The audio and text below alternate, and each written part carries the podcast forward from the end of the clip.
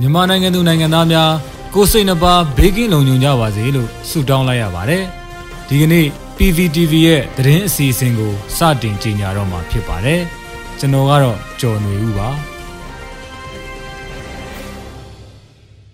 အခုပထမဆုံးအနေနဲ့အမျိုးသားညီညွတ်ရေးအစိုးရပုံမှန်အစည်းအဝေးဆက်လင်းမြင်းဆောင်2021ကိုကျင်းပပြုလုပ်ခဲ့တဲ့သတင်းကိုတင်ဆက်ပေးပါမယ်။အမျိုးသားညီညွတ်ရေးအစိုးရအဖွဲ့အစည်းအဝေးဆက်လင်းမြင်းဆောင်2021ကို ယနေ့ဇူလိုင်လ23ရက်နေ့နနက်10:00နာရီမှာကျင်းပခဲ့ရာယာယီသမရဒူဝါလရှိလ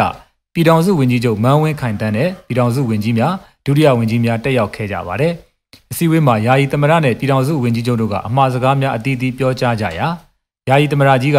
အစိုးရအဖွဲ့အစည်းအဝေးတွေမှာဝန်ကြီးဌာနတွေကအရေးကြီးတဲ့အကြောင်းအရာတွေကိုတင်ပြလာကြကြောင်းထိုအကြောင်းအရာတွေကိုဝန်ကြီးဒုဝန်ကြီးများကဝိုင်းဝန်းဆွေးနွေးဆုံးဖြတ်ပေးကြစေလိုကြောင်းပြောကြားခဲ့ပြီးပြည်ထောင်စုဝန်ကြီးချုပ်က ယခုတစ်ပတ်အတွင်းမြန်မာနိုင်ငံမှာကိုဗစ်ရောဂါပြန့်ပွားမှုကိုမထိန်းသိမ်းနိုင်တဲ့အခြေအနေတွေကြားသိနေရတဲ့အတွက်အလွန်စိတ်မချမ်းမြေဖြစ်ရကြောင်းဒီရောဂါနဲ့ပတ်သက်ပြီးအကြမ်းဖက်စစ်ကောင်စီစီမံခန့်ခွဲနေတဲ့ပုံစံဟာပြည်သူတွေအပေါ်ရည်ရွယ်ချက်ရှိရှိနဲ့လူသတ်မှုကျူးလွန်နေရရောက်ကြောင်းအခုလိုကိုဗစ် outbreak ဖြစ်နေတဲ့အချိန်မှာဆေးပစ္စည်းတွေကိုရည်ရွယ်ချက်ရှိရှိထိန်းချုပ်ပြီးပုဂ္ဂလိကအောက်ဆီဂျင်စက်ရုံတွေကိုစစ်တပ်အမိန့်နဲ့လိုက်ပိတ်တာတွေပြင်ယောဂဖြစ်ပွားနေတဲ့ပြည်သူတွေအတွက်ကျန်းမာရေးအဆောက်အအုံတွေစနစ်တကျစီမံထားခြင်းမရှိကြောင်း နေ့စဉ်နေ့တိုင်းပြည်သူတွေတယောက်ပြီးတယောက်ကိုလက်လွတ်ဆုံးရှုံးနေရတာတွေအတွက်အလွန်စိတ်မချမ်းမသာဖြစ်ရကြောင်း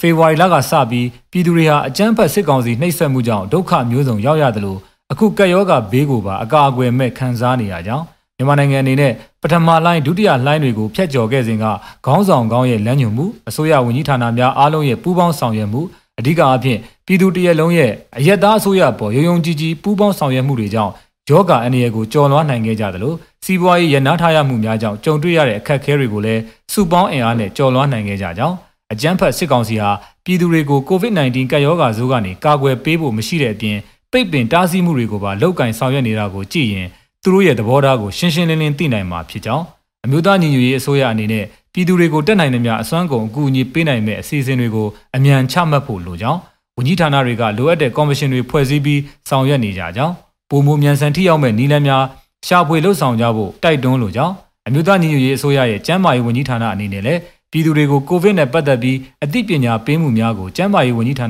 website မှာစဉ်ဆက်မပြတ်ထုတ်လွှင့်ပေးနေတာကိုလည်းကျေးဇူးတင်ပါကြောင်းပြည်သူတွေအနေနဲ့လည်းအသိတတိဖြင့်ဒီကပ်ယောဂါကြီးကိုကြော်လွှားနိုင်ဖို့အားတင်းထားကြမယ်လို့ယုံကြည်ကြောင်းအခုဆိုရင်ထောင်တွေထဲမှာလည်းကိုဗစ်ရောဂါပြန့်ပွားနေပြီလို့ကြားသိရတဲ့အတွက်မတရားအဖမ်းဆီးခံထားရတဲ့ຫນွေဥတော်လန်ရေးသူရဲကောင်းတွေအတွက်လည်းအလွန်စိုးရိမ်ပူပန်မိကြောင်း ဒီကိစ္စအတွက်လည်း ICRC တို့လိုနိုင်ငံတကာအဖွဲ့အစည်းတွေနဲ့ဆက်သွယ်ပြီးဘယ်လိုအကာအကွယ်ပေးနိုင်မလဲဆိုတာစဉ်းစားဖို့လိုအပ်ကြောင်းအမျိုးသားညီညွတ်ရေးအစိုးရအနေနဲ့ကက်ယောဂါဇိုးကြီးကိုရင်ဆိုင်ရင်တစ်ဖက်မှာလည်းတော်လန်ရေးကိုမျက်ခြေမပြတ်လှုပ်ရှားဆောင်ရွက်နေဖို့လိုကြောင်းမြန်မာနိုင်ငံမှာကြုံတွေ့နေရတဲ့အခက်အခဲအားလုံးရဲ့တရခန့်ဟာအကြမ်းဖက်စစ်အုပ်စုသာဖြစ်ကြောင်းသူတို့ကိုအမြင့်ပြတ်ချင်းမုန်းနိုင်မှသာမြန်မာနိုင်ငံရဲ့ဘေးဒုက္ခအပေါင်းချုပ်ငြိမ်းမယ်ဆိုတာကိုအမြဲနှလုံးသွင်းဖို့လိုကြောင်းပြောကြားခဲ့ပါတယ်။ဆက်လက်ပြီးပြည်ထောင်စုဝန်ကြီးနဲ့ဒုဝန်ကြီးတွေက တက်ဆိုင်ရာဝန်ကြီးဌာနလုပ်ငန်းစဉ်များနဲ့ပတ်သက်လို့ဆွေးနွေးကြရာစီမံကိန်းဗန္ဒာရေးနဲ့ယင်းနှိမ့်မြုပ်နှံမှုဝန်ကြီးဌာနကနိုင်ငံတကာယင်းနှိမ့်မြုပ်နှံမှုနဲ့ပတ်သက်တဲ့ကိစ္စဖက်ဒရယ်ရေးရာဝန်ကြီးဌာနက NUCC ဖြစ်ပေါ်တိုးတက်မှုအခြေအနေနဲ့ဖက်ဒရယ်ပြည်ထောင်စုဖွဲ့စည်းပုံအခြေခံဥပဒေရေးဆွဲပြဋ္ဌာန်းနိုင်ရေးလုပ်ငန်းစဉ်များနဲ့ပတ်သက်တဲ့ကိစ္စတွေဆွေးနွေးကြပြီးကျန်းမာရေးဝန်ကြီးဌာနက COVID-19 အတွက်လက်ရှိလှုပ်ဆောင်နေတဲ့ကိစ္စတွေကိုအသီးသီးဆွေးနွေးတင်ပြခဲ့ကြကအစည်းအဝေးကိုနေ့လယ်12နာရီမိနစ်30မှာရုပ်သိမ်းလိုက်တယ်လို့သတင်းရရှိပါရခင်ဗျာ။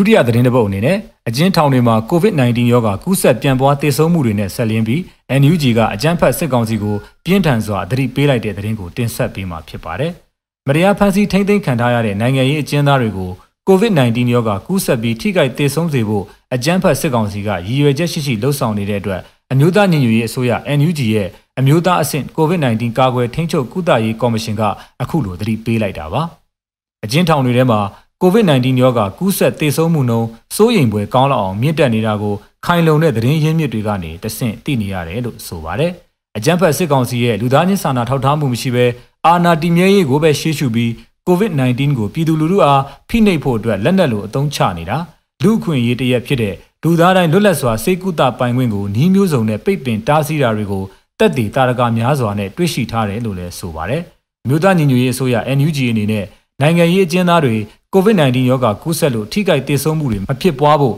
လုံလောက်တဲ့ကျန်းမာရေးစောင့်ရှောက်မှုတွေခံယူနိုင်ဖို့နဲ့နိုင်ငံရေးအကျဉ်းသားတွေကိုချွင်းချက်မရှိပြန်လွှတ်ပေးဖို့တောင်းဆိုခဲ့ပါတယ်။အဲ့ဒီလိုမဟုတ်ဘူးဆိုရင်ဖြစ်ပေါ်လာတဲ့အကျိုးဆက်အားလုံးကိုအကြမ်းဖက်စစ်ကောင်စီကတာဝန်ယူသွားရမှာဖြစ်ပြီးလူမဆန်တဲ့ဒီလုပ်ရအတွက်ပြည်သူစံတာအရတရားဥပဒေနဲ့အညီပြင်းပြင်းထန်ထန်အရေးယူဆောင်ရွက်သွားမယ်လို့သတိပေးထုတ်ပြန်သွားတာပါ။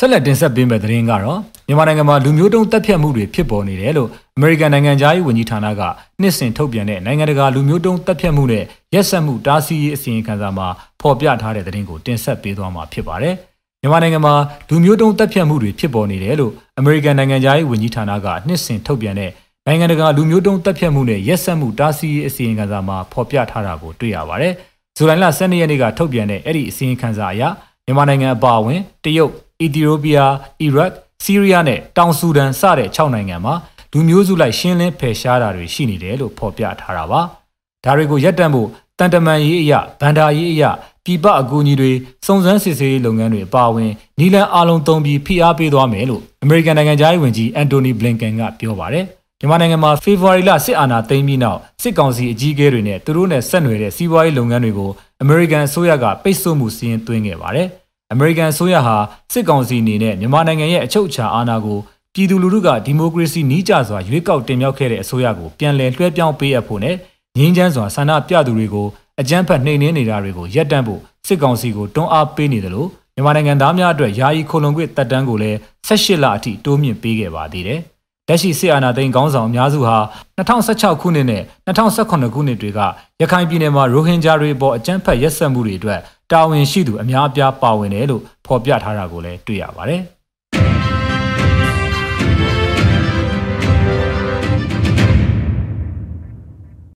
အမျိုးသားညီညွတ်ရေးအစိုးရလူ့အခွင့်အရေးဆိုင်ရာဝန်ကြီးဌာနကကိုဗစ်တတိယလှိုင်းတုံ့ပြန်ဆောင်ရွက်နေမှုနဲ့ပတ်သက်တဲ့ထုတ်ပြန်ကြေညာချက်တစ်ခုထုတ်ပြန်လိုက်တဲ့သတင်းကိုဆက်လက်တင်ဆက်ပေးမှာဖြစ်ပါတယ်။ ကိုဗစ်တတိယလှိုင်းတုံ့ပြန်ဆောင်ရွက်နေမှုနဲ့ပတ်သက်တဲ့ထုတ်ပြန်ကြေညာချက်တစ်စောင်ကိုအမျိုးသားညီညွတ်ရေးအစိုးရလူ့အခွင့်အရေးဆိုင်ရာဝန်ကြီးဌာနကဒီကနေ့ရက်စွဲနဲ့ထုတ်ပြန်ကြေညာလိုက်တာတွေ့ရပါတယ်။အဆိုပါကြေညာချက်မှာကိုဗစ်တတိယလှိုင်းကြောင့်မြန်မာနိုင်ငံပြည်သူများအပေါ်ကျန်းမာရေးအန္တရာယ်ကြာရောက်နေမှုနဲ့ကာကွယ်ကုသရေးနှင့်ပတ်သက်ပြီးကင်တွယ်ဆောင်ရွက်ရမှာအားနည်းချက်များစွာရှိနေကြောင်းကိုဗစ်တန်ခံရတဲ့မြန်မာပြည်သူတွေအနေနဲ့နိုင်ငံတကာကသတ်မှတ်ထားတဲ့ကျန်းမာရေးဆိုင်ရာအခွင့်အရေးတွေကိုမရရှိတဲ့အပြင်ရရှိနိုင်တဲ့အရာတွေကိုလည်းစစ်ကောင်စီကနှောက်ယှက်ဟန်တားနေကြောင်း ကျန်းမာရေးဆိုင်ရာအခွင့်အလမ်းများရရှိခံစား권အချက်၅ချက်ဖြစ်တဲ့၁ကျန်းမာရေးဆိုင်ရာအခွင့်အရေးများကိုမြည်သူအပေါ်မှခွဲခြားခြင်းမရှိဘဲရယူခံစား권 non discrimination ၂ကျန်းမာရေးဆိုင်ရာကာကွယ်တားဆီးရေးနှင့်ပတ်သက်၍လိုအပ်သောအရာများကိုလူတိုင်းရရှိပိုင်ခွင့် availability ၃ကျန်းမာရေးပစ္စည်းများကိုအလွယ်တကူဝယ်ယူပိုင်ခွင့် accessibility ၄ကျန်းမာရေးစောင့်ရှောက်မှုအစီအစဉ်များလှုပ်ဆောင်ရတွင် လူထုကိုအခြေပြုပြီးပြည်သူအများလက်ခံနိုင်မှု acceptability ၅ ကျန်းမာရေးဝန်ဆောင်မှုများ၏အရေးအသွေးပြည့်ဝမှု quality စတဲ့ရရှိခံစား권များကိုပင်မရရှိသည့်အခြေအနေနှင့်ကြုံတွေ့နေရကြောင်းထို့သောပြုလုပ်နေခြင်းဟာအာဏာသိမ်းစစ်ကောင်စီကမြန်မာပြည်သူတရက်လုံးအပေါ်တက်ရောက်စေတဲ့လူသားမျိုးနွယ်တစ်ခုလုံးအပေါ်ကျူးလွန်သည့်ရာဇဝတ်မှုကိုနောက်ထပ်ကျူးလွန်ခြင်းဖြစ်ကြောင်းအာဏာသိမ်းစစ်ကောင်စီအနေနဲ့ကျန်းမာရေးဆိုင်ရာကူညီလှုပ်ဆောင်နေတဲ့အဖွဲ့များအပေါ်နှောက်ယှက်ဟန်တားနေမှုတွေကိုချက်ချင်းရပ်တန့်ပြီးပြည်သူတွေစီကျန်းမာရေးအကူအညီတွေရောက်ရှိစေရေးဆောင်ရွက်ပေးရန်တတိပေးကြောင်းတို့ပါဝင်တာကိုတွေ့ရပါတယ်။